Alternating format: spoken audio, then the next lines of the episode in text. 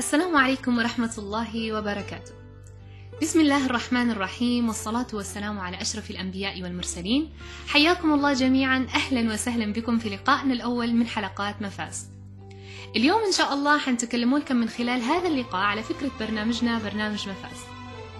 مفاز نوافذ حنطل منها عليكم ببعض الموضوعات والدردشات اللي نشوفوا إنها حتفتح أفق النقاش الهادف والفائدة المثمرة المتبادلة بيننا. حنتناول فيه بعون الله موضوعات عدة من جوانب مختلفة.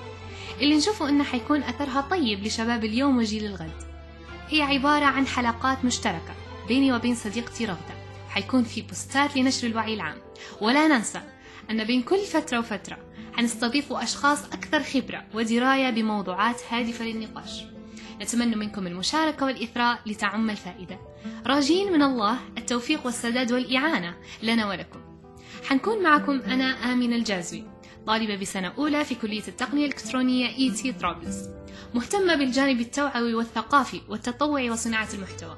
محبة للمطالعة والكتابة بمختلف أنواعها شغوفة أيضا بالمناظرة وفن الإلقاء والمهارات القيادية. وأستمتع بهوايتي التصوير والإنشاد. أما الآن ستصطحبكم رفيقتي في البرنامج بجولة. بارك الله فيك آمنة السلام عليكم ورحمة الله. معكم رغدة السعداوي طالبة في كلية القانون جامعة مصراتة مدونة وناشطة مدنيا مهتمة بعدة جوانب منها صناعة المحتوى الكتابة التصوير والتصميم المونتاج المناظرة والخطابة والإلقاء.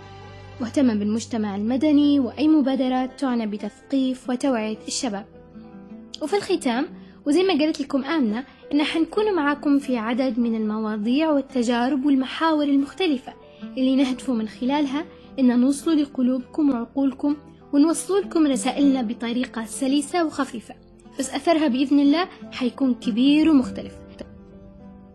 حنحاول نسلط الضوء على مختلف القضايا وطرح المشكلات وتبادل الأفكار والخواطر. ومع بعض حنوصل لنتائج جدا مميزة. لعند هنا تكون جولتنا كملت. وابتداء من حلقتنا الجاية حنبدأ نتناول المواضيع المختلفة ونغوص في أعماقها ونطلع منها بالفائدة والمعرفة. دمتم بخير. سلام.